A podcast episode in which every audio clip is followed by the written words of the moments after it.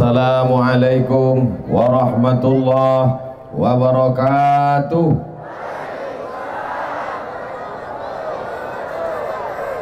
Apa kabar makcik, pakcik, bapak, ibu, adik-adik, kakak-kakak sehat? Kita syukuri nikmat Allah yang besar ini. Cuacanya cerah, badan sehat, istiqomah iman dan Islam Kita syukuri dengan mengucapkan Alhamdulillahi Rabbil Alamin. Majlis kita ini majlis mulia. Kalau kita tidak sebut selawat Berubah dia menjadi majlis bangkai Majlis busuk, berulat, berbau. Maka kita kirimkan salawat kepada Nabi Muhammad. Allahumma salli ala Sayyidina Muhammad wa ala ali Sayyidina Muhammad mudah-mudahan kita diakui sebagai umat Nabi Muhammad sallallahu alaihi wasallam amin ya rabbal alamin tema kita konsep cinta dan kasih sayang dalam Islam Ada seorang laki-laki namanya Qais. Siapa namanya? Qais. Dia jatuh cinta sama perempuan namanya Laila. Laila ini kena lahir waktu malam. Sampai akhirnya Qais tadi gila. Saking cintanya menjadi gila. Maka disebutlah dia dengan nama Laila Majnun. Majnun artinya gila Laila Majnun tergila-gila kepada Laila. Mohon maaf bapak kalau kebetulan nama bininya Laila. Sampai akhirnya saking gilanya hilang akal, hilang ingatan Dibawa oleh ayahnya ke samping Ka'bah. Berdoa di dinding Ka'bah. Maka disebutkan oleh seorang ulama besar dari Mesir Syekh Muhammad Mutawalli Asy'arawi. Di antara orang yang sehat berdoa di dinding Ka'bah adalah Qais. Berdoa di samping Ka'bah, sehatlah dia. Setelah dia sehat, ditanyalah dia oleh orang. Tak jadi dia nikah dengan Laila. Adunya turidu Alaila turidu amid dunya wa ma fi tawayaha Wahai Qais Kalau disuruh kau memilih Mana yang kau pilih? Antara dua Memilih Laila atau dunia beserta isinya Sekarang saya tanya Bapak Pilih dunia atau Laila? Apa pula sebut bini orang? Ditanyalah kepada si Qais Adunya turidu amid dunia wa ma fi tawayaha Wahai Qais Mana yang kau pilih? Laila atau dunia beserta isinya maka menjawablah Qais apa kata dia la ghubaru ni'aliha ahabbu ilayya wa asfali balwaha debu yang menempel di selop Laila lebih kucinta daripada dunia beserta isinya saya ulang sekali lagi maksudnya setelah saya bilang gitu bilang so sweet lah Alaila turidu amid dunia wa ma fi tawayaha. Mana yang kau pilih Qais? Apakah dunia beserta isinya atau Laila? Maka Qais menjawab, La ghubaru ni'aliha ahabbu ilayya wa asfali balwaha. Debu yang menempel di sendal Laila lebih ku cinta daripada dunia beserta isinya. Ya salam. Omak-omak pun nyebut so sweet juga. Ditanya sama anaknya, mak, mak, mak, so sweet itu apa? Merek sepatu. Sebetulnya apa yang sedang Ustaz Somad ceritakan? Kalau kita sudah cinta, bukan sama orangnya, bukan sama rumahnya, bukan sama pakaiannya, debu yang menempel di selopnya pun dapat menjadi obat dan pelipur lara. Betul? Banyak juga yang majnun nih. Syair Qais ini selalu dijadikan ulama. Syair orang gila ini dijadikan ulama ketika berdalil tentang cinta kepada Allah. Kalau cinta kepada makhluk Allah kalau cinta kepada hamba Allah bisa begitu dalamnya apalagi cinta kepada pencipta manusia yaitu Allah maka kalau sudah cinta kepada Allah tak sabar hati mau datang ke masjid solat berjamaah. Kalau sudah cinta kepada Allah tak sabar hati ingin segera berzikir menyebut Allah. Kalau sudah cinta kepada Allah maka yang hadir malam ini melimpah ruah. Panitianya sampai 500 orang ini semua adalah bukti cinta kepada kepada Allah. Apa pula kepada Laila? Bapak sehat Ibu sehat Bapak tergila-gila sama Laila Tidak, takut dia tapi yang namanya cinta ini payah Bapak Ibu. Ada seorang laki-laki berdiri tegak menengok lukisan yang terpajang di dinding, lukisan abstrak. Yang terkejut, yang sakit jantung banyak-banyak istighfar. Menengok lukisan abstrak yang cantik dia pun berdecak kagum setengah jam dia menikmati lukisan yang cantik terpampang tergantung di dinding. Oh, amazing. Hebat kata dia. Orang lain yang menengok dia juga menengok sambil heran. Heran apa? Apalah yang hebat lukisan ini? Hanya gambar ban mobil diseret dalam gerasi. Lukisan abstrak itu lukisan yang tak terbaca. Eh, ini lain. Ini bukan abstrak. Ini pejuang subuh nongsa. Ini jaketnya. Mudah-mudahan habis acara ini tak diminta panitia. Soalnya saya pernah beberapa kali acara pemakaian rompi. Wah, dipoto lah. Selesai pas mau balik, Ustaz, buka Ustaz. Jadi untuk foto aja. Nah, sakitnya tak seberapa, malunya. Ini kita belum tahu, kita tengok nanti. Kita lanjutkan cerita lukisan tadi. Betapa orang kalau sudah paham lukisan abstrak, dia bisa menikmati. Tapi orang yang tak paham, dia menyangka orang itu gila. Saya insya Allah nanti tanggal 18 pagi berangkat dari Pekanbaru 3 tablik akbar. Tablik akbar yang pertama jam 8 di Pangkalan Kerinci pengumpulan dana. Habis itu langsung dilanjutkan di Pematang Rebah Indragiri Hulu pengumpulan dana. Habis itu jam 8 malam tablik akbar lagi di Bali. Balilas.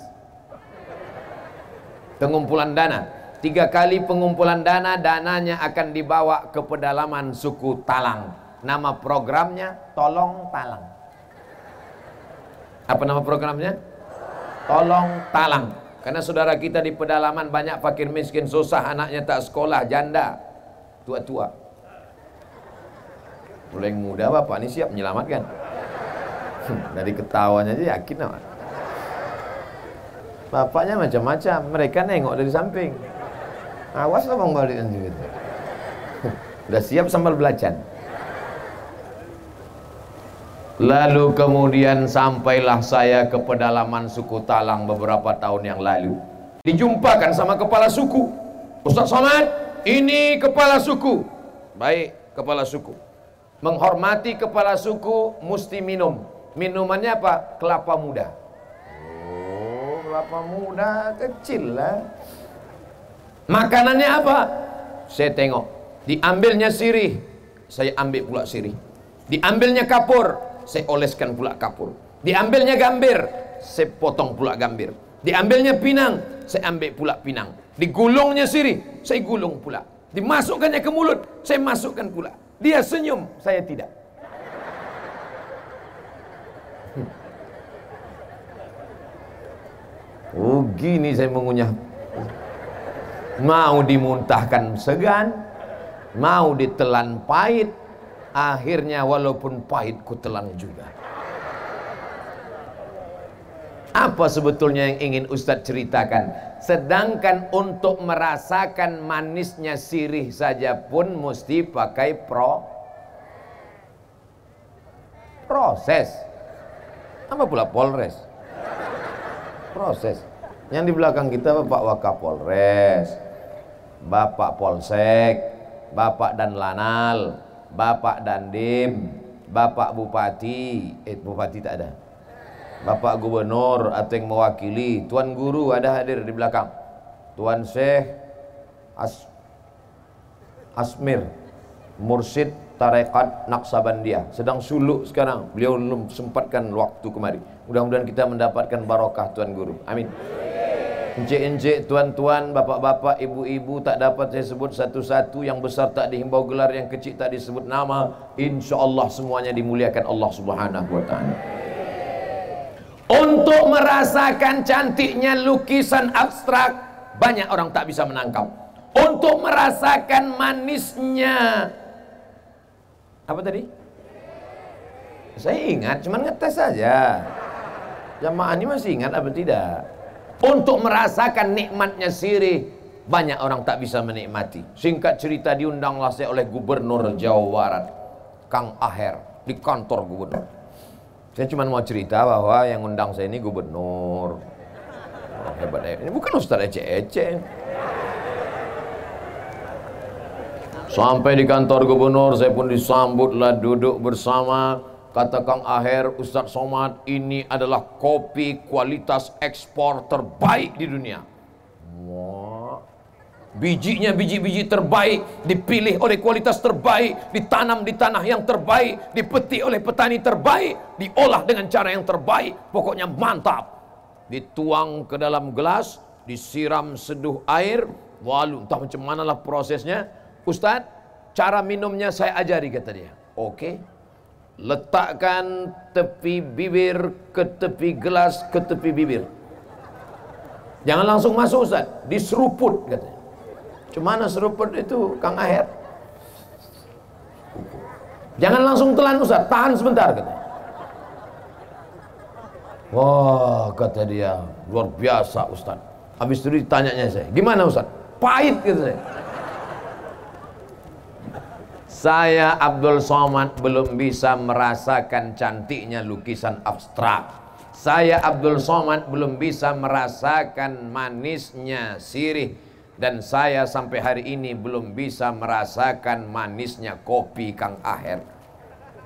Kalau merasakan yang tiga yang zohir ini aja payah, apalagi merasakan cinta kepada Allah. Tapi orang Melayu berkata Allah bisa karena Biasa, biasakan hari Sabtu ke masjid, hari Ahad ke masjid, subuh Sabtu ke masjid, subuh Ahad ke masjid. Pertama berat bangun tidur, pertama malas, lama-lama bersemangat. Akhirnya berapa ratus masjid tadi Ustaz? Seratus? 116 masjid Sabtu Ahad Sabtu Ahad Sabtu Ahad 116 masjid Insya Allah kalau sudah 106 masjid dikunjungi terasalah manisnya sholat su. Betul itu? Insya Allah belum azan subuh udah terduduk. Merasakan manisnya. Tapi kalau orang yang belum merasakan manisnya As-salatu khairum minan kantui Bapak baca tak berita di koran, di website internet? Orang yang masuk ke dalam masjid membacok yang orang baca Quran dalam masjid. Baca. Dia sedang mengantuk. Orang baca Quran di masjid. Bismillahirrahmanirrahim. Sumbatnya telinganya. Makin kuat pula qari itu. Tak berhenti-berhenti datang dia ke masjid Bacoknya. Selesai. Mati kaset itu langsung Apa ibu yang dimuliakan Allah Subhanahu wa taala. Tapi orang kalau sudah merasakan manisnya cinta kepada Allah, nih malam ini duduk di atas lantai, duduk di atas tanah. Ada pula tadi saya tengok anak-anak muda berdiri di atas tembok-tembok di belakang. Ada pula yang di bawah-bawah pokok kelapa. Hati-hati kelapa tu jatuh. Ini adalah orang-orang yang sudah merasakan manisnya dakwah tablik akbar dan ceramah. Betul? Pak polisi ini sibuk apa tak sibuk? Sibuk. Dari pagi sampai sore sampai siang, prit. Mengatur lalu lintas jalan raya. Mestinya malam ini mereka istirahat tidur Bismika Allahumma ahya wa amut Masih sempat datang ke tempat kita Mudah-mudahan mereka polisi yang istiqomah sampai akhir hayat Bapak dan Lanal angkatan laut Bukan senang ngurus laut Kalau polisi jelas nampak motor Di laut bukan nampak ikan tuh Mestinya mereka malam ini beristirahat dengan anak dan istri. Tapi malam ini bagi mereka ada yang lebih nikmat. Ada yang lebih penting. Apa dia? Datang ke pengajian tablik akbar. Mereka tak ada kepentingan apa pun. Semuanya insya Allah hadir karena Allah. Betul? Ibu-ibu dengan berbagai macam grupnya. Ada grup hijau semua. Ada grup merah semua. Ada grup bagus. Kalau nyusun akan datang pengajian bagus gini. Yang di depan ini buat nenek-nenek semua. Supaya apa? Supaya jamaah ini fokus ke ustadz. Ini tidak. Dibuat pula bagian depan anak gadis. Jamaah depan itu bukan dia nengok ustadz. Sikit-sikit. Hmm. Nah, kalau sekarang, ah, tengoklah. Ah, tengoklah. Tengoklah. Mohon maaf bu, saya ini udah tua, mata saya ini tak jelas nih. Saya terus terang tak jelas nih, tak nampak entah mana anak gadis, entah mana nenek, rata aja semua. Masya Allah. Saya udah berapa kali ke apa nama daerah? Nongsa. Udah berapa kali saya kemari? First time. Oh, pertama kali. Rasanya kita macam udah kenal lama aja. Nah, kata jamaah dalam hati jamaah Ustaz aja sok akrab. Sok mantap gitu. Masya Allah tahu. Oh, kalau ini ada namanya pejuang subuh nongsa, itu ada pula biker subuhan. Ini inilah yang ngajak saya dulu pakai motor itu kan. Bawa dari hotel, diajaknya saya ke Masjid Agung subuh-subuh. Wah, saya pun pakailah sampai ke masjid sholat. Habis sholat saya tanya, ada tak kalian rekam aku naik motor tadi? Tak ada gitu. Ilaha illallah. Udah lawak kedinginan tak direkam pula. Paksa habis sholat subuh tu kami buat lagi. Kalau gitu kita ulang sekali lagi. Habis sholat subuh barulah sini. Wah, lah. Ada kalian rekam? Ada. Dipiralkan mereka di internet. Like and share. Wah, viral cerita entah ke mana-mana. Ada pula yang ngejek saya. Alah baru pandai katanya. Sakit hati saya. Saya posting gambar saya waktu masih dulu kuliah tahun 1996 naik motor. Saya ini udah lama pandai. Dulu waktu kuliah dulu, saya kuliah udah naik motor dulu. Bukan jam kuliah, naik sampan. saya kuliah pakai motor dulu. Tak percaya tanya kawan-kawan saya angkatan 96 di IAIN Susko Pekanbaru Riau naik motor dulu. Suatu hari saya pun naik motor loh. Pas di samping ada mahasiswi. Saya tengok.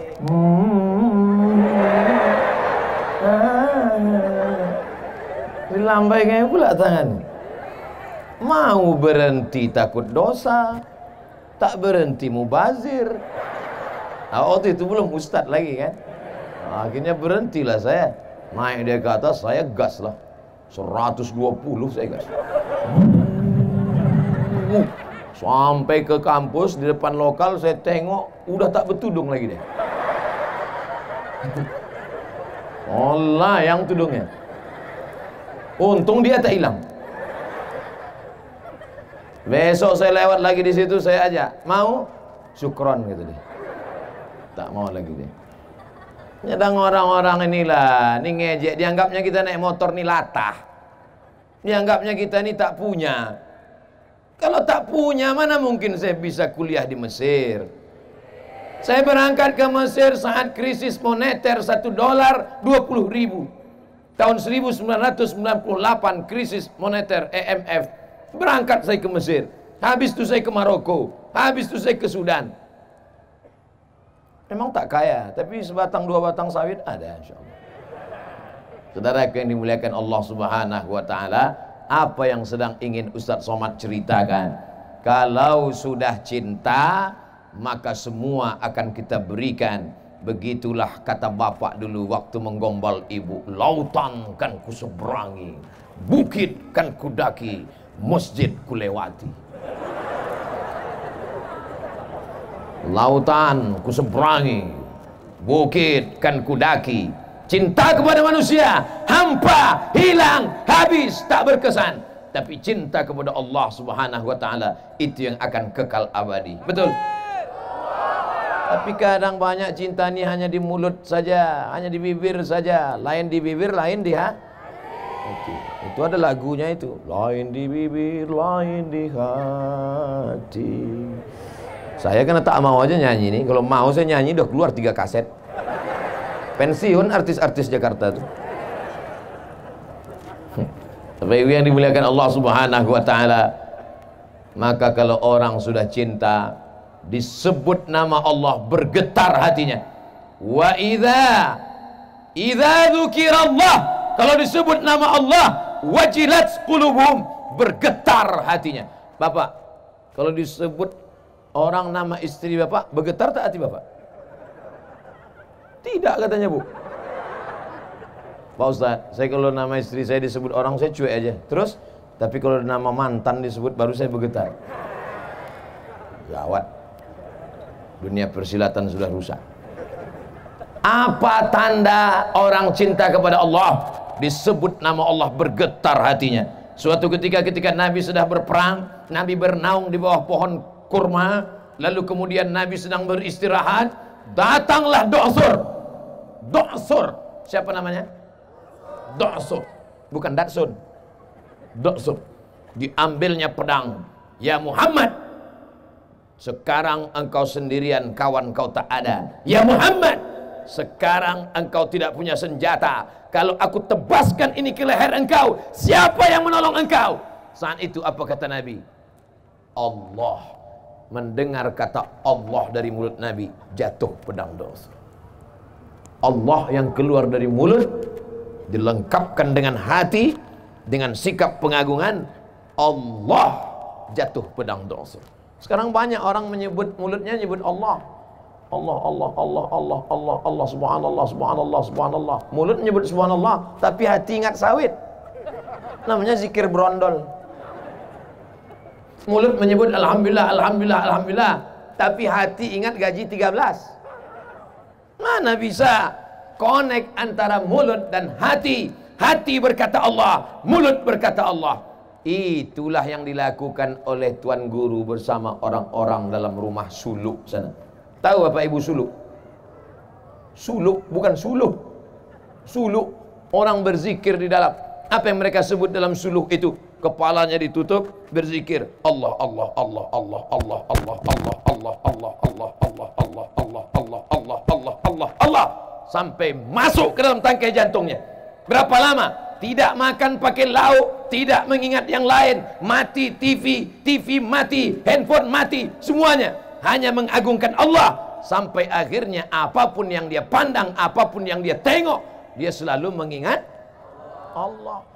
Ini banyak orang sekarang mulutnya menyebut subhanallah, subhanallah, tangan megang remote. Subhanallah, subhanallah. Mana sinetron tadi? Mana menjadi zikir? Zikir apa namanya? Zikir TV. Zikir apa namanya? Zikir handphone. Oleh sebab itu kalau mau menanamkan cinta kepada Allah, maka mesti ada dipaksakan. Paksa-paksakan solat Makanya anak-anak itu dipaksa. Muru auladakum bis Suruh anak kamu salat. Wa um abna'u sab'an sinin. Umur tujuh tahun, paksa dia salat. Suruh tujuh. Pukul sepuluh. Ibu boleh pukul dia sepuluh. Tapi pukulnya pukul mengajar, bukan pukul menghajar. Ini sampai hilang telinga anak itu sebelah. Jadi tanya sama istrinya, abang, ya, kenapa telinga abang sebelah ditalik omak dulu? Mana sekarang bang? Itu gantungan kunci. Saudara yang dimuliakan Allah Subhanahu wa taala. Udah jam 9. Tadi saya mulai jam setengah 9. Ternyata kalau orang hatinya penuh dengan cinta, maka yang menyampaikan itu pun tak terasa waktu 30 menit telah berlalu. Betul? Dalam hati jamaah udah lama betul kurasa dah Ustaz. Saudara yang dimuliakan Allah Subhanahu wa taala, konsep cinta dan kasih sayang dalam Islam bolehkah laki-laki mencintai perempuan boleh apa salahnya? Bolehkah perempuan mencintai laki-laki? Boleh. Ada sebagian orang mengatakan tidak boleh mencintai laki-laki tidak boleh mencintai perempuan tidak boleh menikah seumur hidup. Ya, ajaran Islam mengatakan manistata'a minkumul ba'ah. Siapa di antara kamu yang sudah ba'ah, yang sudah mampu, falyatazawwaj menikahlah. Fa innahu aghaddu lil basar. Karena dengan menikah itu menundukkan pandangan. Wa ahsanu lil farj, menjaga kemaluan. Artinya apa? Cinta boleh tapi tetap dalam kurung syarat dan ketentuan berlaku berlaku. Jangan nanti habis ini anak muda datang ke rumah, Pak, Pak, Pak, aku bawa anak bapak ya. Kenapa? Cinta. Ah, datang bapak tuh, ah, kau makanlah cinta tuh. Kalau memang kalian jantan bukan karena kalian berotot, kalau memang kalian jantan bukan kumis melintang, kalau memang kalian jantan bukan yang gagah perkasa, tapi kalau memang kalian jantan, ikuti sunnah Rasulullah, pinanglah dengan bismillah. Ibu setuju tak kalau anak ibu dipinang anak-anak lajang ni dengan bismillah? Tidak. Ah, tinggi harga mahar di Batam. Suatu ketika Nabi sedang menyampaikan tausiah. Ketika Nabi sedang menyampaikan tausiah, tiba-tiba berdirilah seorang perempuan. Berdiri seorang perempuan. Apa kata dia? Ini wahabtulaka nafsi. Ini wa abdulaka nafsi I give myself for you ku berikan diriku untukmu ya Rasulullah Nabi diam, Nabi tak bergeming, Nabi tak merespon, Nabi diam saja, Nabi cuek saja. Karena Nabi diam berdiri seorang laki-laki. Ya Rasulullah, kalau kau tak mau sama dia, untuk aku adalah. Kata Nabi kau serius mau sama dia? Mau ya Rasulullah. Iltamis walau khataman min hadidin balik kau ke rumah, pulang kau ke rumah, cari cincin walaupun terbuat dari besi untuk ma mahar. Cari. Pulang dia ke rumah di balik-baliknya lemari, tak ada cincin dari besi. Sudah siap cincin dari besi? Siap nih? Tak ada cincin dari besi. Lalu kata Nabi, cari sekali lagi. Dia pun pulang ke rumah, dibongkar-bongkarnya lemari, dapat satu kain. Ini satu kainnya Rasulullah. Untuk apa? Untuk mahar. Kata Nabi Shallallahu Alaihi Wasallam, kainmu berapa? Satu. Mahar untuk istrimu? Iya. Nanti kalau dipakai istrimu, kau pakai apa? Diam dia. Perempuan ini diam, laki-laki ini pun diam malu. Akhirnya dia pun pergi karena malu. Ketika dia akan pergi dipanggil oleh Nabi SAW. Ta'al, sini sebentar. Ada apa ya Rasulullah? Zawajatukaha bima ma'aka. Hal ma'aka minal Quran? Kau tadi yang mau pergi meninggalkan majelis ini? Ada kau hafal Quran? suratu kada wa suratu kada wa suratu kada wa suratu kada aku hafal surah ini surat ini surat ini surat ini langsung dinikahkan Nabi di majelis itu zawajtukaha ku nikahkan engkau dengan dia bima ma'aka minal Quran dengan mahar mengajarkan Al-Qur'an kalau ada yang sekarang saya nikahkan sekarang juga zawajtukaha bima ma'aka minal Quran. Cuman tak ada pula yang mau. Nasib kalian lah orang Batam. Saudara yang dimuliakan Allah Subhanahu wa taala, kenapa perempuan itu tidak melawan? Karena dia cinta karena Allah. Kenapa laki-laki itu tidak melawan? Karena dia juga cinta karena Allah. Sekarang orang cinta bukan karena Allah. Cinta kenapa? Karena Al-Fat. Kalau kena Al-Fatihah tak apa-apa, karena Al-Fat yang pintunya sekali picit berbunyi itu. Aku nikah sama dia, Mak. Kenapa? Karena Al-Fat. Jangan dulu, Nak. Tak apa-apalah, Mak. Akhirnya setelah seminggu, seminggu, sebulan barulah tahu. Rupanya kredit belum lunas. Dari klaksonnya sudah kedengaran. Kredit, kredit, kredit, kredit. Saudara yang dimuliakan Allah Subhanahu wa taala, maka dalam Islam tidak dilarang orang mencintai tapi ketika gara-gara cinta itu masuk dalam perbuatan dosa maka Alhamdulillah Insya Allah biker subuhan tidak akan membonceng anak gadis yang tak mahram betul biker subuhan tertulis di belakang spotboard mereka say no to bonceng katakan tidak pada bonceng Yang diboncengnya apa? Laki-laki. Yang yang kalian homo? Oh tidak. Saudara yang dimuliakan Allah Subhanahu wa taala, maka dalam Islam diajarkan ada cinta laki-laki dan perempuan. Boleh karena cinta itulah akan melahirkan anak-anak yang so soleh bukan somat. Ini semua yang hadir ini adalah buah dari cinta ayah dan ibu, nenek dan kakek, pakcik dan makcik. Maka lahirlah anak-anak yang soleh dan soleha mau datang ke pengajian karena cinta cinta kepada Nabi, cinta kepada Allah, cinta kepada Rasulullah, cinta kepada Islam. Kalau sudah cinta, maka apa pun dia akan berikan nyawanya, tenaganya. Kata Nabi SAW, La yu'minu ahadukum, kamu tidak akan beriman. Hatta aku apa ilayya, sampai kamu mencintai aku, min waladihi, daripada anak kandungnya sendiri, wa walidihi, daripada ayahnya, daripada emaknya, daripada anaknya, daripada istrinya, daripada hartanya. Dia lebih cinta kepada aku. Sekarang saya tanya, Bapak Ibu lebih cinta kepada Nabi atau anak? Dua tiga orang aja yang jawab. Saya tanya sekali lagi, lebih cinta kepada Nabi atau anak? Kalau memang betul cinta kepada Nabi, maka suruhlah anak perempuan kita pakai kain panjang, baju kurung, jilbab panjang.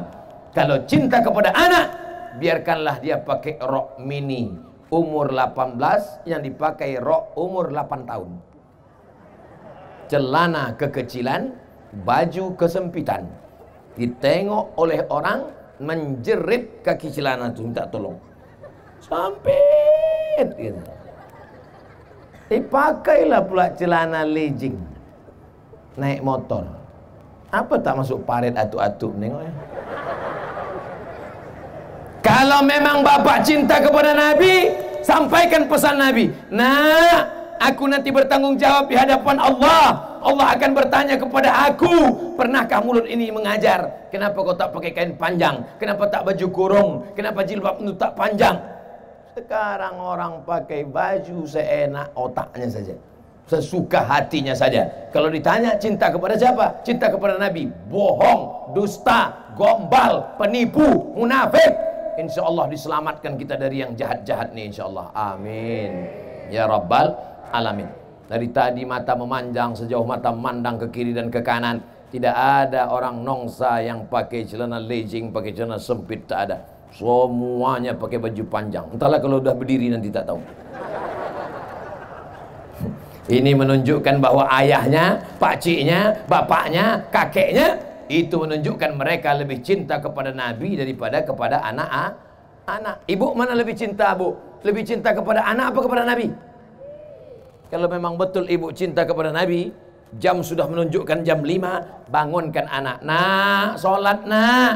Tapi kalau ibu lebih cinta kepada anak, bapak membangunkan anak. Ayo solat, ayo solat. Apa kata ibu? Biarlah pak, ini kan hari libur tanggal merah. Mana ada libur tanggal merah solat? Solat tak ada libur. Sampai mati kita diwajibkan Allah SWT. Tak bisa berdiri, duduk, tak bisa berduduk, baring, tak bisa baring, kedipan mata, tak bisa kedipan mata, kami sembayangkan. Betul Pak? Betul Bu? Ibu nanti tengok Bapak. Besok pagi tengok Bapak. Kalau tak nampak ibu dia tak solat, ah, ibu takbir. Dia baring di tempat tidur itu takbir. Usolli ala hazihil janazah. Arba'ah takbir. Allahu Akbar. Terjaga dia. Eh apa ni? Abang ku tengok tak sembahyang sembahyang, ku sembahyangkanlah. Jangan. Nanti ibu bercanda malaikat serius mati dia. Siap kalian ganti kan? Oh, siap kan? Masya Allah, tabarakallah. Itu bukan marah, Pak. Itu bukan mengamuk, Pak. Tapi karena mereka jin, cinta. Cinta bukan dibiarkan. Kita sedang berjalan di tepi jalan Tiba-tiba waktu mau menyeberang jalan, ada kawan kita tiba-tiba mau menyeberang jalan. Ada bis, ada tronton, ada truk datang kencang. Kalau kita sayang, kita biarkan dia lewat atau kita tarik tangannya. Tarik tangannya, selamatkan dia. Kenapa kau tarik tanganku? Aku tak mau kau ditabrak itu. Nanti kalau kau ditabrak, aku jadi saksi dipanggil juga kantor polisi. Kau kalau mau mati-mati aja sendiri. Dan susahkan aku. Di tengah jalan ada orang mau ditabrak, kita selamatkan. di tengah jalan ada orang kena copet, kita selamatkan. Tapi kenapa orang tak sembahyang kita diam? Kenapa kita tidak ajak dia sholat? Kenapa kita tidak bawa dia ke masjid? Kalau ada tetangga depan rumah kita, samping kanan kita, samping kiri kita tidak sholat. Yang salah dia apa kita? Kita.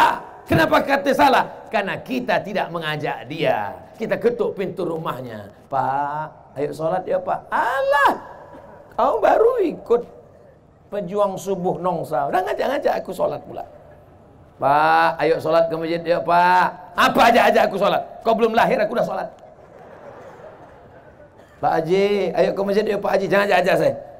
Kau belum lahir aku udah haji dah. Tengok kartu nama aku nih. Ha ha ha ha ha. Kalau ada orang sombong angkuh begitu, apakah kita berhenti mengajak dia? Tidak. Kita terus karena kita sayang sama dia. Pak Haji, ayo ke masjid ya Pak. Kau udah dua hari ngajak aku ya. Awas kalau kau kalau tiga hari kau ajak juga aku kasih kau hadiah kompor. Apakah hari ketiga kita berhenti? Tidak. Karena kompor sudah siap. Hari ketiga kita datang, Pak Haji, ayolah ke masjid Pak. Kenapa kau ajak juga lagi? Pak Haji, sampai sekarang jenazah tak ada yang jalan sendiri Pak. Nanti kalau Bapak mati gimana?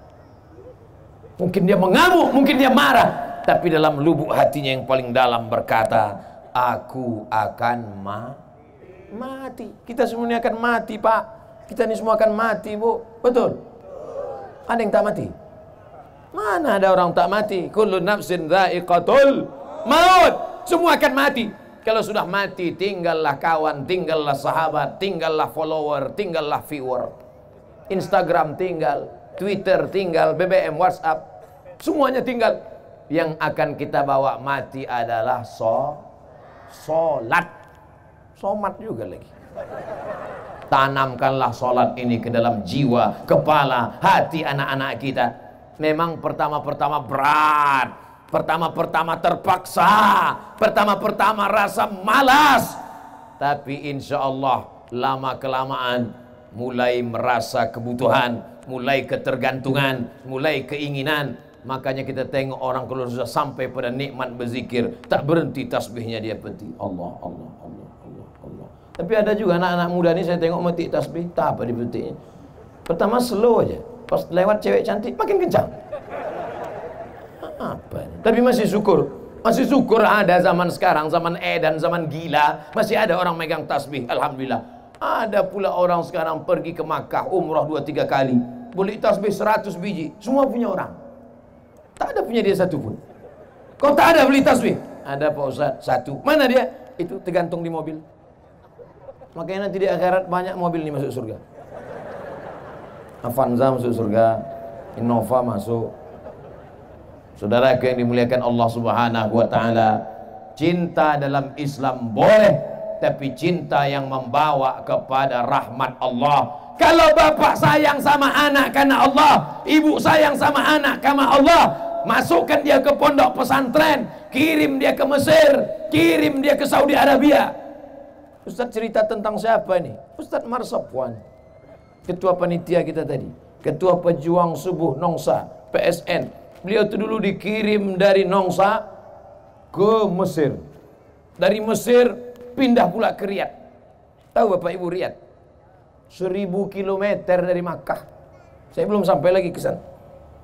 Sampai beliau ke sekolah ke sana. Setelah itu baru pulang kemari. Ini orang sekarang sayang sama anak diletak di celah ketiak. Sayang sama anak, kirim dia jauh.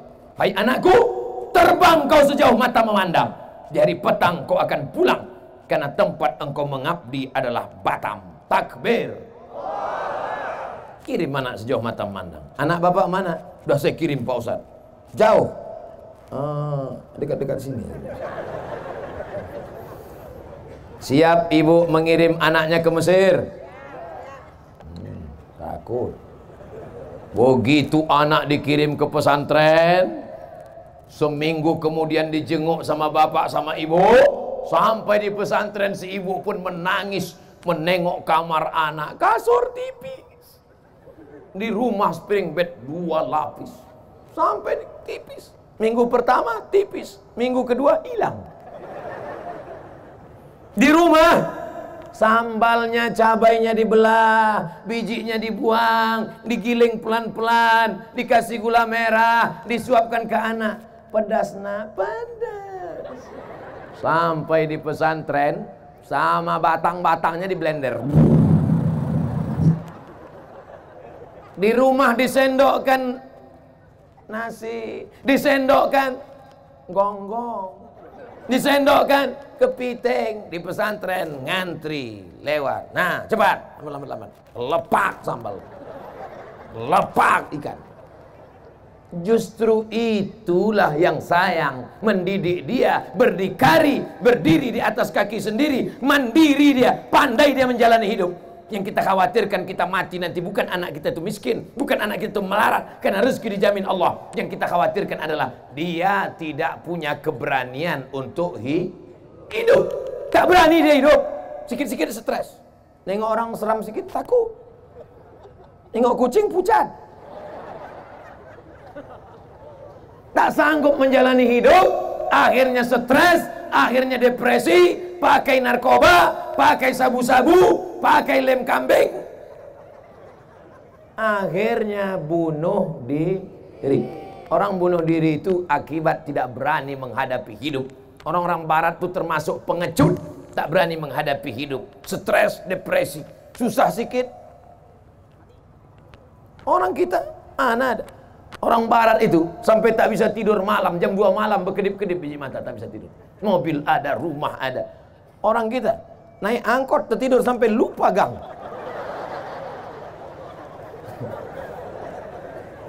Saudara yang dimuliakan Allah Subhanahu wa taala.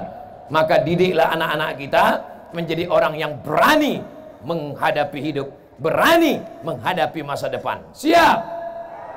Apa tanda cinta? Tanda cinta sering disebut namanya. Berapa kali ibu sering menyebut nama bapak? bangun pagi-pagi oh Mas Parno. Mohon maaf Pak Parno. Tahu kebetulan namanya ada. Lapor kayaknya pula ke Pak Kapolres nanti kan. Bapak juga berapa kali ibu eh, bapak sebut tiba-tiba sambil berjalan ibu, ibu bapak sebut oh Hayati. Rupanya nama ibu itu Fatimah ngamuk dia siapa itu bang entah keceplosan tadi dia itu tapi yang dimuliakan Allah. Apa tanda cinta? Sering disebut nama. Ya. Sering Bapak sebut nama dia. Siapa? Nabi Muhammad. Bagaimana cara menyebut nama dia? Muhammad, Muhammad, Muhammad, Muhammad, Muhammad. Bukan. Sallallahu ala Muhammad. Sallallahu alaihi sallallahu ala Muhammad. Sallallahu alaihi wasallam. Cemanalah mau dicintai Nabi? Berkorban baterai HP pun tak mau. Hidupkanlah senter-senter HP itu. Rupanya kalau pakai rompi baru ni gatal-gatal ya Entah gatal, entah semut masuk Hidupkan dulu baterai-baterai HP Bapak mau saya kasih tahu cara biar supaya baterai ini tak cepat habis. Mau tahu? Beri beli rangsel yang panjang. Besok pagi beli baterai wasa. Insya Allah tahan seminggu pak. صلى الله على محمد صلى الله عليه وسلم. صلى الله على محمد صلى الله عليه وسلم. يا نبي سلم عليك. يا رسول سلام عليك. يا حبيبي سلام عليك. صلوات الله عليك. صلوات الله عليك. اللهم صل على سيدنا محمد. Matikan HP. Ya lama-lama kali basah ketiak. Kita tak apa-apa, kawan pingsan. Tengok sebelah, wah, habis oksigen. Masya Allah, tabarakallah. Apa tanda cinta? Berkorban. Lebih cinta kepada Nabi. Apa tanda cinta? Sering menyebut namanya. Allahumma salli ala Sayyidina Muhammad. Wa ala ali Sayyidina Muhammad. Apa tanda cinta? Siap berkor. Ibu siap berkorban. Bapak siap berkorban. Keluarkan kotak. mainkan. Mana bukti katanya siap berkorban tadi? Siap berkorban. Keluar 2000 perak. Naikkan kotak ke atas. Ini ikan-ikan besar di atas. Ikan niu, ikan paus di atas. Di bawah ini ikan-ikan pantau aja ikan-ikan teri aja Ibu gimana perasaan jantungnya sekarang normal? sehat. Alhamdulillah. Karena di sebagian tempat ada begitu menengok kotak tuh langsung jantung tuh tak normal. Bapak gimana sehat pak? Alhamdulillah. Padahal dalam hatinya mak kacau nih. Habis belanja besok pagi ini. Saya tidak selalu menganjurkan bapak-bapak bersedekah karena saya tahu bapak yang cari makan pergi pagi pulang petang keringat banting tulang tunggang langgang lintang pukang. Tapi yang megang dompet mengaku semua. Abang, ini lima ribu, pergi beli akbar. Yang pegang banyak-banyak, nanti abang bini lagi. Macam-macam abang. Habis makanya bapak tu pucat. Bapak yang menghadapi istri macam itu sabar pak. Bapak sah? Sabar. Kenapa? Insya Allah bapak tak terkena azab kubur. Bapak yang menghadapi istri yang galak-galak, insya Allah tak kena azab kubur. Pas diperiksa malaikat, kata malaikat mungkar nakib, ini tak usah kita periksa, udah menderita kali di dunia ini. Betul tuh pak. Ini tak usah lagi, ini, ini kita lewatkan, kasihan. Coba tengok muka, pucat kali kan. Tak ada itu di Nongsa, tempat lain. Di sini bu, ini baik-baik semua ya kan bu? Tidak katanya. Masya Allah, tabarakallah. Alhamdulillah. Saya pun udah agak-agak lama baru saya tengok kotak, rupanya kotak udah turun ke bawah. Kok tidak tadi jantung saya gelisah juga. Masya Allah tabar. Ini kotak ini nanti Ustaz Marsopwan hasilnya untuk apa nih? Hilang pula Ustaz Marsopwan. Oh, Tiga masjid. Tiga masjid. Satu panti asuhan. Tiga masjid, satu panti asuhan. Takbir. Di mana-mana saya ceramah, di Nongsa inilah yang tak berani mereka minta ke saya. Berani? Mana ada berani? Tak ada berani. Segan mereka.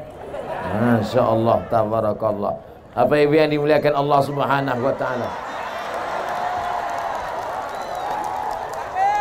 Sekarang kita tes ya. Kita tes. Pegang kuat-kuat pak. Ini tangan saya mau masuk ke kotak nih. Saya mau tes berapa sumbangan orang Nongsa nih. Ini yang di atas panggung, Pak. Ini yang di atas panggung nih? Iya. Kalau sempat lah terambil duit 2000 dari atas panggung ini nanti. Hai, yang di atas panggung berdoa-doa kliennya. Tengok nih, saya obok-obok nih. Tebak, kira-kira berapa nih? Nah, kita tengok. Satu, dua, bismillahirrahmanirrahim.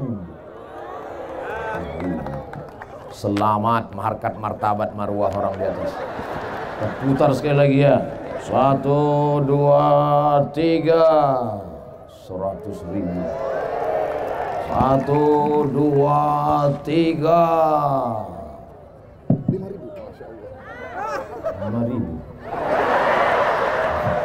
Ah, Ustaz Somad itu pandai ceramah aja itu Pandai nyuruh orang sedekah aja Habis itu pura-pura dimasukkannya tangannya Biar supaya orang lupa rupanya dia tak ngasih Kenapa Ustaz tak ngasih? Dompet tinggal. Bukan salah saya. Tapi kita periksa-periksa dulu ya, mana tahu di kantongnya ada duit kan. Di rompi ini jamin tak ada. Kenapa ada? Tak kan orang ini silap salah. Mereka pun belum ngasih tadi periksa satu-satu. Jangan yakinkan kosong katanya. Dompet saya mana tahu ada duit. Eh, ada pula. Ada duit. Berapa? Hmm. Berapa duit? Hah? Berapa nih? 50 ribu? 1000 dolar. 1000 dolar. Seribu. Seribu dolar nih berapa rupiah nih? Hah? 10 juta? 10 juta ini? Kok tahu aku tak aku keluarkan tadi? Aku tak tahu nih 10 juta. Tapi kan udah sempat keluar hmm, dengan penuh penyesalan lah. Kasihkan untuk anak yatim. Untuk anak yatim.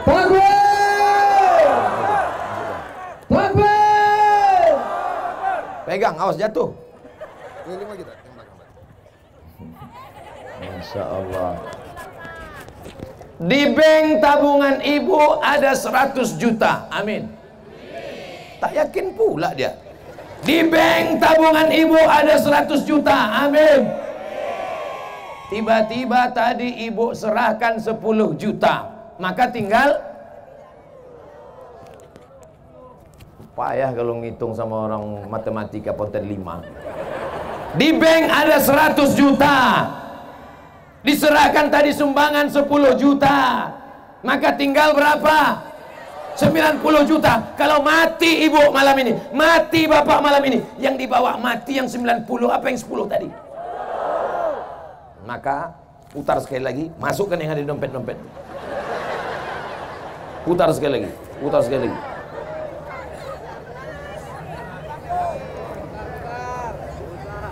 Kalau memang betul cinta kepada Nabi SAW Maka cara makannya Islam. Betul. Tangan kanan Duduk. Cara nikahnya Islam. Betul. Pakai wali Pakai saksi. Ekonominya juga Islam. Menyimpan duitnya Di Bank Riau Kepri Syariah Siap besok pagi mengalihkan tabungan dari bank konvensional pindah ke bank Riau Kepri Syariah. Mana bisa besok tutup? Nampak kali bohongnya. Bilanglah tunggu hari Senin. Baru nampak jujur. Siap besok mengalihkan tabungan ke bank Riau Kepri Syariah. Senin, Ustaz. Awas kalau kalian Senin tak ke bank. Jangan ada dusta di antara kita. Saya mulai ceramah jam setengah sembilan, sekarang pas setengah sepuluh, enam ratus mililiter.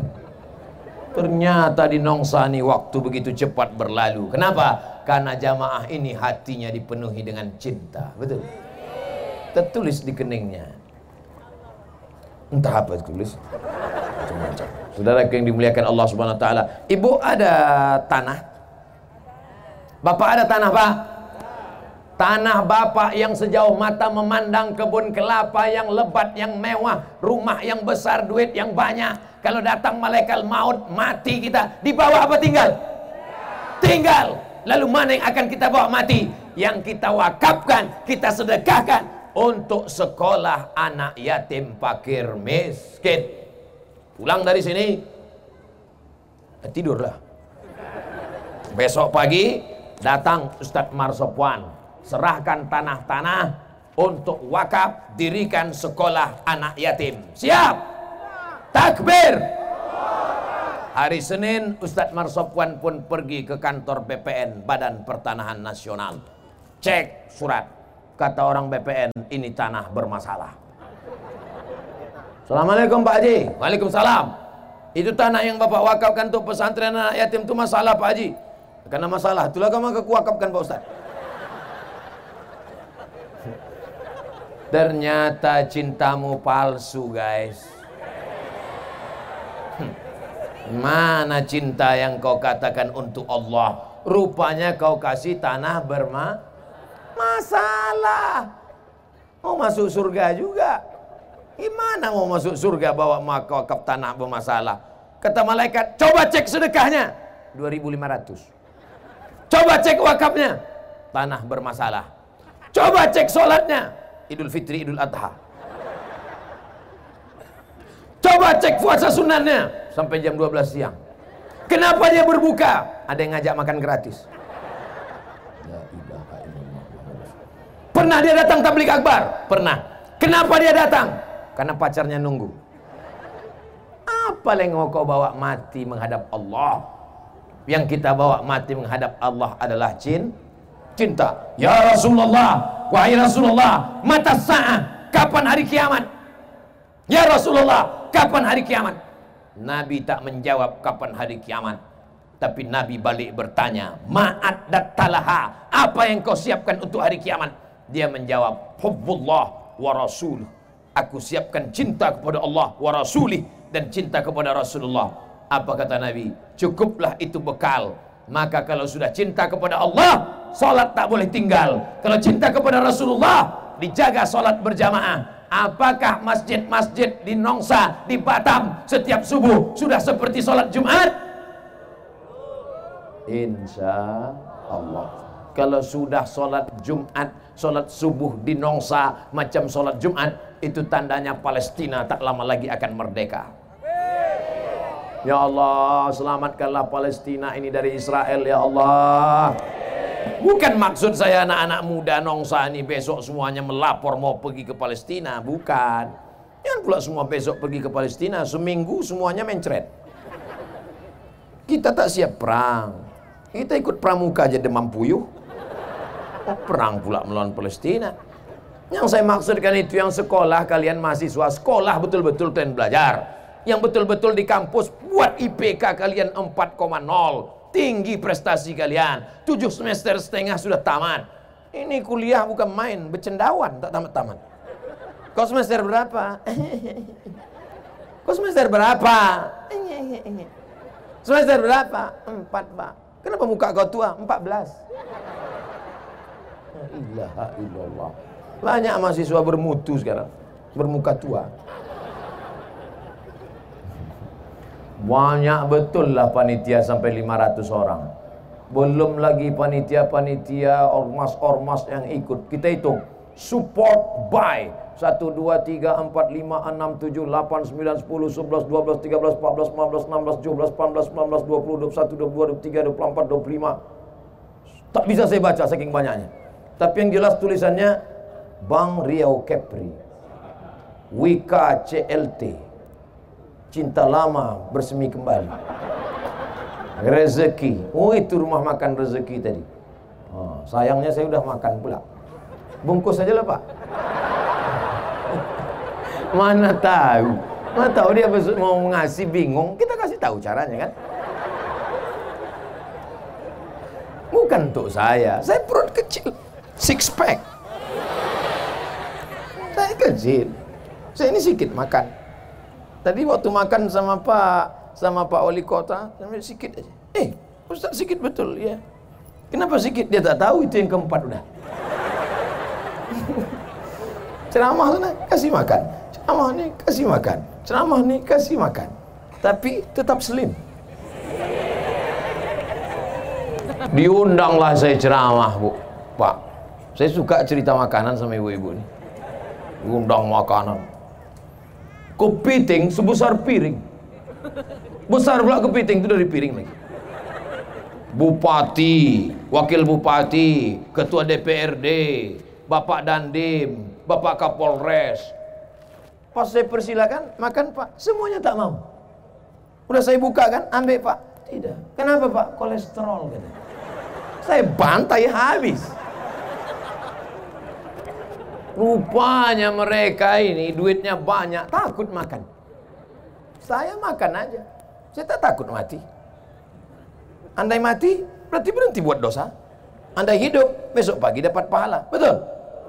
Mati Abdul Somad malam ini, berhenti buat dosa. Hidup besok pagi, amal soleh bertambah. Makanya kalau ada mau ngajak kita makan kepiting, makan udang, makan durian, makan jengkol, makan aja. Yang takut, makan makan. Tapi jangan berlebih-lebih lebih-lebihan itu yang menyebabkan dia menjadi penyakit. Orang zaman dulu makan banyak makan habis itu dia mencangkul sawah menanam padi menanam kelapa keluar keringatnya sebesar petai bukan besar jagung aman dulu habis semuanya keluar menjadi kering keringat. Orang sekarang enggak, makan kepiting, makan gonggong, makan kerang, makan ini, tarik selimut, hidupkan asin. Menggumpal lah jadi kolesterol. Masih syukur makan yang halal. Ini enggak, dimakan pula sop Batman. Kelelawar.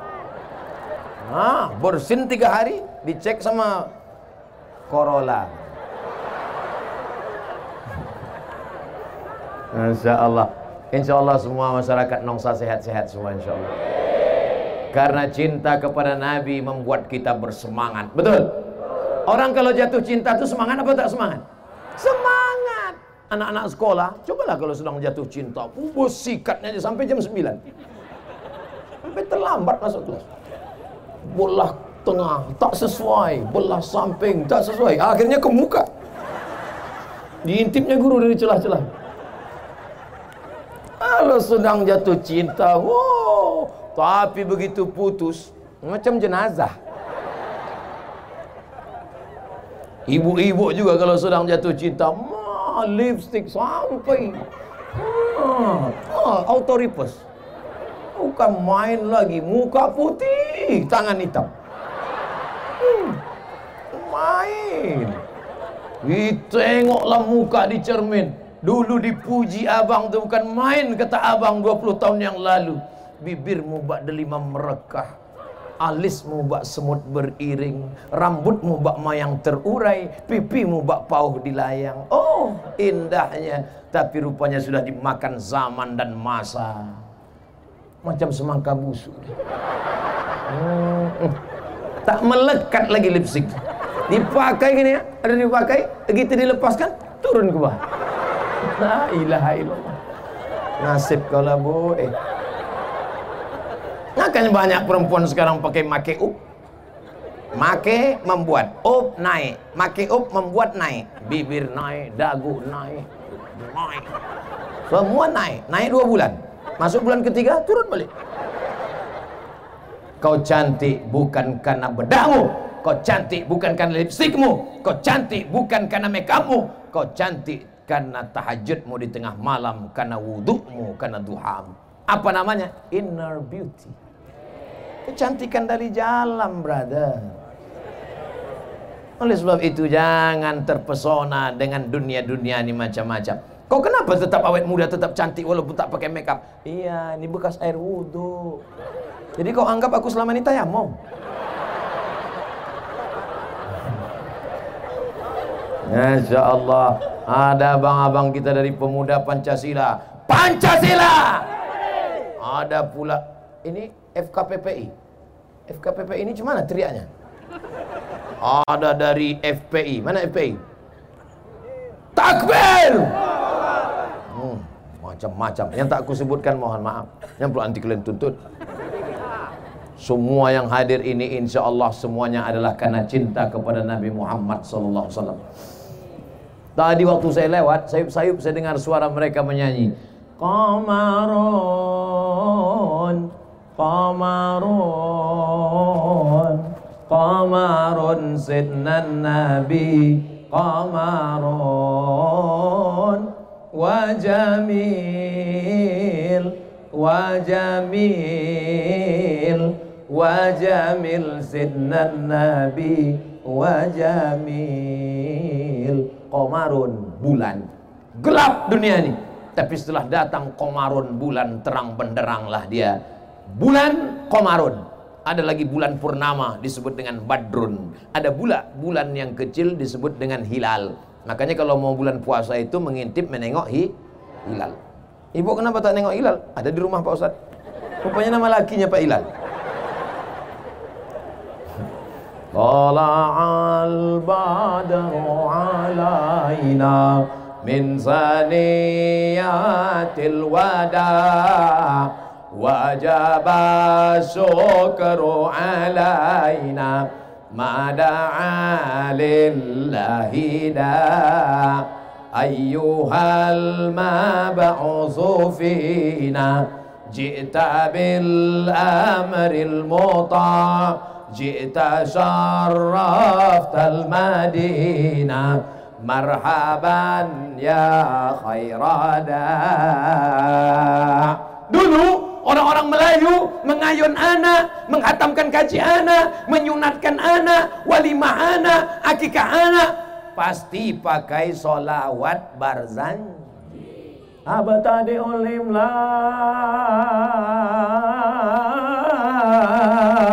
ulimla Abismizatil aliyah مستدر فيض البركات على ما أنا له وأولاه Allah Allah di Batam di Nongsa masih ada Barzanji lagi grup Nasid masih ada Datanglah pejabat datang disambutlah pejabat selamat datang wahai Pak Wali la la la la la la la dia tak tahu la la la tu artinya tidak, tidak, tidak, tidak. Bismillah tawassalna billah la la la la la. Apa lah nasib? Nasib ni bagus.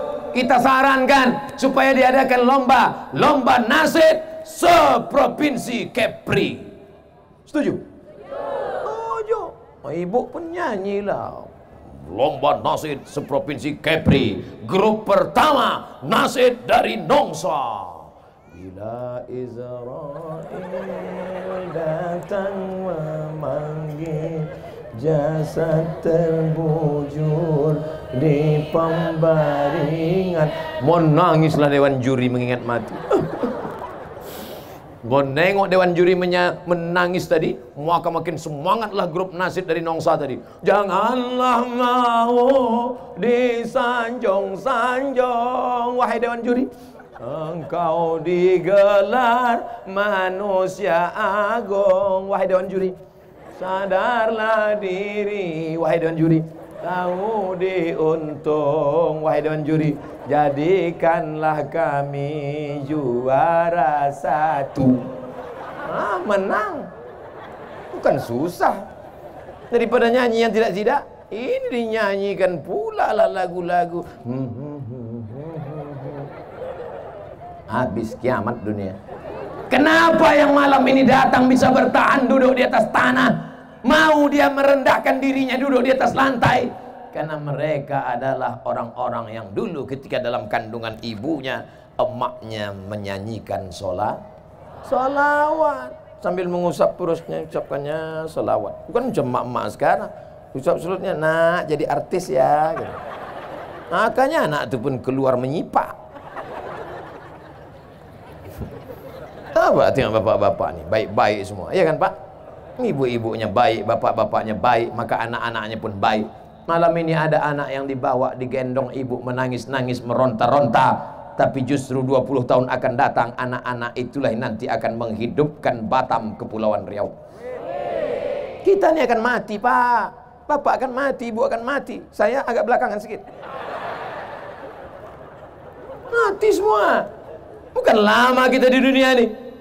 Datang dari Pulau Tanjung Balai Karimun akan menuju Pulau Anambas berhenti sejenak di Pulau Batam. Sampai masanya, waktu berakhir, Abdul Somad akan terbang. Dari mana Ustaz? Dari Karimun. Di mana transit? Di Batam. Putar, putar, putar, putar, putar. Lalu kami pun akan pergi ke Anambas. Begitulah kita hidup di dunia. Kita dari alam rahim, sekarang sedang di alam du dunia. Bukan lama, datang kapal kita pun akan berangkat kalau sudah kapal muat penuh syarat, maka kita pun akan berangkat menuju pulau alam barzah. Dari alam barzah, kita pun akan pergi menuju alam akhirat. Di surgalah kita akan kekal abadi bersama Nabi Muhammad sallallahu alaihi wasallam. Bangkit dari kubur, tengok sebelah kanan orang Nongsa. Tengok kiri orang Batam. Tengok depan orang entah orang mana-mana lah ramai. Cuman mereka cari-cari, tak ada Ustaz Somad. Eh, kenapa Ustaz Somad tak ada di sini? Tanya malaikat. Malaikat, Ustaz Somad di mana? Dia di VVIP kata malaikat. Aminkan. Kalau memang betul cinta, diaminkan doa orang. Ini dalam hati, Ustaz Somad di VVIP. Hmm, macam iya aja. Amin lah, amin ya Allah. Nampak betul aminnya rekayasa. Kita semua yang hadir malam ini insya Allah masuk surga. Man qala la ilaha illallah Siapa yang berkata la ilaha illallah? Muhammadur Rasulullah. Berkata Muhammad Rasulullah Dakhalal jannah. Masuk dia ke dalam surga. Wa in zana Walaupun dia pernah berzina. Wa in sarak Walaupun dia pernah mencuri Dia masuk surga. Yang berzina Masuk surga. Yang mencuri Masuk surga. Cuman dia obok-obok Macam pakaian kotor Apa mungkin pakaian kotor masuk ke lemari? Tidak Ah, tahankanlah di mesin cuci Habis itu masuk pembilas, kotor juga lagi. Masukkan pemutih.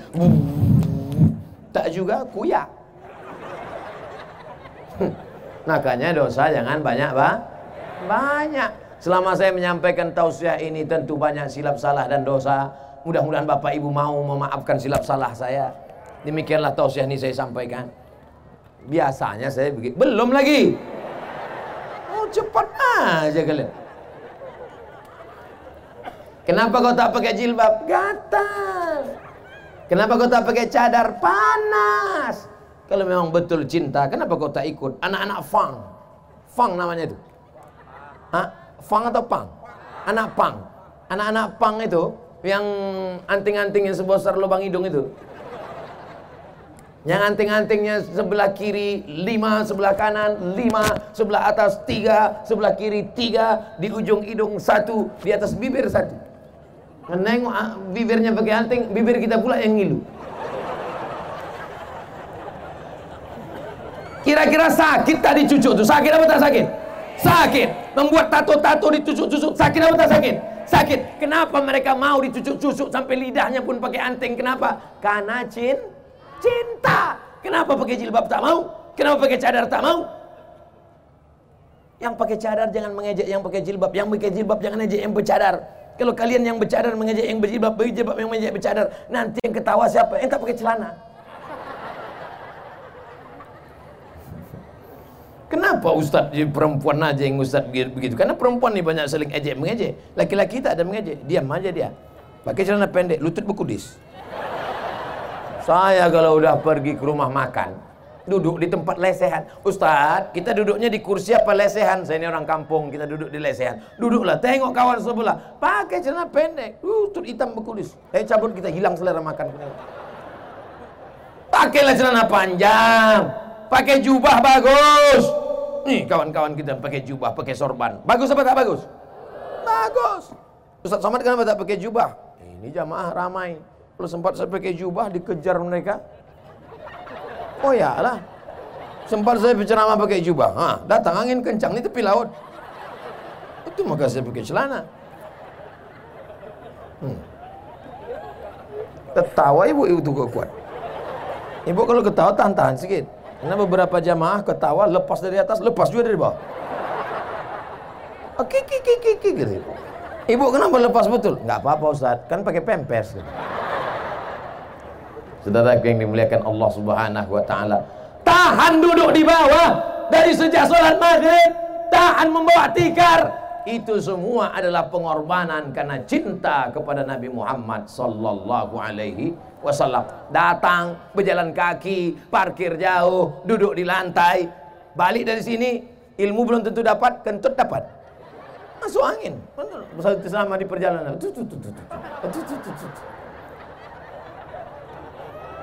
Tapi ada kepuasan batin dia.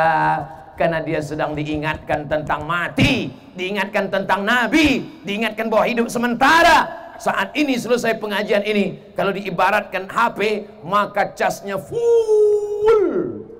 Tapi mati begitu pula. Lupa. Hilang. No signal Mudah-mudahan kita terus istiqomah. Makanya jangan berhenti ikut pengaji, pengajian. Ikut pengajian. Siapa pun datang, datang Ustadz dari Sulaiman, ikut. Datang Ustadz dari Sulaiman, ikut. Diajaknya nyanyi, ikut. Orang kaya mati, orang miskin mati, pejabat-pejabat mati. mati. Nah, sampai pulang nyanyikan. Ada tetangga kita yang kaya, orang kaya mati. Datang Agim, ikut. Apa nyanyi Agim? Jagalah hati, jangan kau Jagalah hati. Ada tetangga kita yang sombong. Jagalah hati. Ikut. Apa susahnya? Betul. Datang nanti penyanyi yang nyanyi nyanyi-nyanyi religi. Ikut, datang. Lagu-lagu solawat. Datang Habib Syekh. Ikut. Nyanyi religi. Nah, saya tak pula ingat lagu-lagu ini. Tapi insya Allah semuanya ba baik. Tidak semuanya orang yang datang pengajian itu niatnya baik. Tapi insya Allah Allah akan sejahat-jahatnya orang ikut pengajian, paling tidak dia berhenti dari do dosa. Selama di sini paling tidak dia berhenti dari dosa. Kalau tak ikut dia pengajian, entah apa-apa dah dibuatnya sudah. Ayyala salat. Kelapak balak enam. Itulah nanti waktu mau mati sakratul maut payah mati. Dibuka jendela tak mati-mati. Dibuka atap tak mati-mati. Dibukakan Yasin tak mati-mati.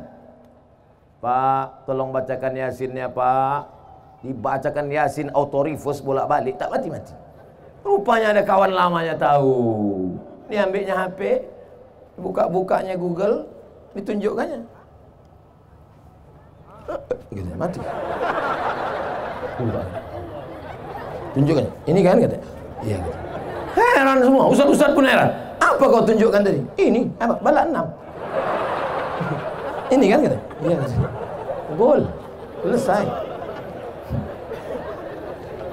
Allahumma khtim lana bihusnil apa yang selalu kita sebut apa yang selalu kita dengar apa yang selalu kita tengok itulah yang akan datang nanti waktu sakaratul makanya orang-orang yang bersuluk itu mudah ditalkin la ilaha illallah karena dia sudah ditalkinkan gurunya afdhalu zikri fa'lam annahu la ilaha illallah. La ilaha illallah. La ilaha illallah. Kenapa airnya ke kiri? La ke kanan. Kenapa Allah ke kiri? Ke tangkai jantung. Di situ letak setan, dihusir darah hitam, dihilangkan segala gadaan. Alladzi waswisu fi sudur. Sudur itu bukan sendok. Sudur, sudur. Setan itu berbisik bukan di telinga. Fi sudurin nas. Maka di situ ditembakkan dia. La ilaha illallah. La ilaha illallah. Banyak orang zikir tak tahu. Asal goyang kepala goyang pula. Goyang pula. Tanya, kenapa kau goyang? Entah aku tengok orang goyang, aku goyang pula. Makanya berguru, belajar. Man la syaikhalahu, fasyaitanu syaikhuhu. Siapa yang tak berguru, setan gurunya. Ini zikir ini bukan macam-macam. Bukan main-main. Selesai saya pengajian, datang ibu-ibu. Dibawanya tasbih kayu, besar. Hampir sebesar tali kapal. Besar tasbih. Ustaz Somad, saya mau bertanya. Boleh? Kenapa ibu tak tanya tadi dalam pengajian? Segan, ini privat, empat mata. Bisa saya tanya empat, ustaz empat mata? Saya bilang jangan kan empat mata, tiga pun bisa. Apa namanya? Gini Pak Ustaz, saya ini ikut majelis zikir. Terus setelah saya berzikir, saya mengalami sesuatu yang penuh dengan spiritual. Langsung aja lah, jangan berbelit-belit. Apa namanya? Setelah saya ikut zikir Pak Ustaz, saya bisa melihat semua yang ada di balik-balik dinding, semua yang ada di balik-balik gunung, semua yang ada di balik-balik rumah. Tamu yang mau datang saya bisa tahu. Kalau saya bawa mobil apa di balik bukit saya tahu. Semua yang tersembunyi bisa saya tengok. Ai. Bahaya ibu. Ibu jawab tulus ya. Jangan bohong, jangan dusta, jangan tipu, ya. Ibu zikir pakai guru apa tidak? Tidak, zikir sendiri. Setelah bisa menengok yang ada di balik-balik balik-balik bisa tahu tamu mau datang, makin ingat sama Allah atau makin lalai sama Allah? Jawab terus. Makinlah lalai. Maka dia sedang dipermainkan setan. Berguru, mursyid menunjukkan kita cara berzikir. Kalau terjadi sesuatu, tanya dia. Guru, iya. Tadi malam, iya. Aku sedang di tempat tidur. Terus, tiba-tiba nampakku badan biniku itu setengah bercahaya, guru. Dari kaki sampai ke pinggang ini penuh dengan cahaya. Apa itu, guru? Bini kau sedang meriksa HP kau.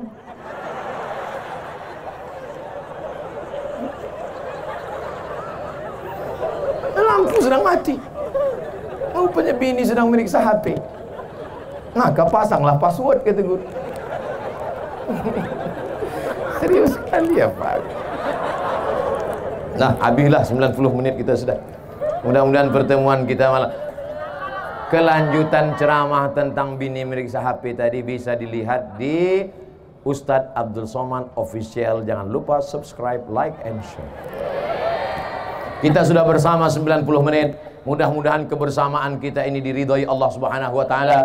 Banyak silap salah dan dosa kita kita minta ampun. Di akhir majlis mari kita berdoa astaghfirullahalazim. Astaghfirullahalazim. Astaghfirullahalazim.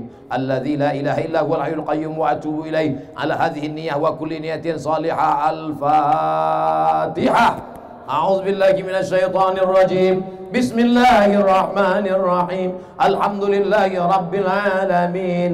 الرحمن الرحيم. مالك يوم الدين. إياك نعبد وإياك نستعين.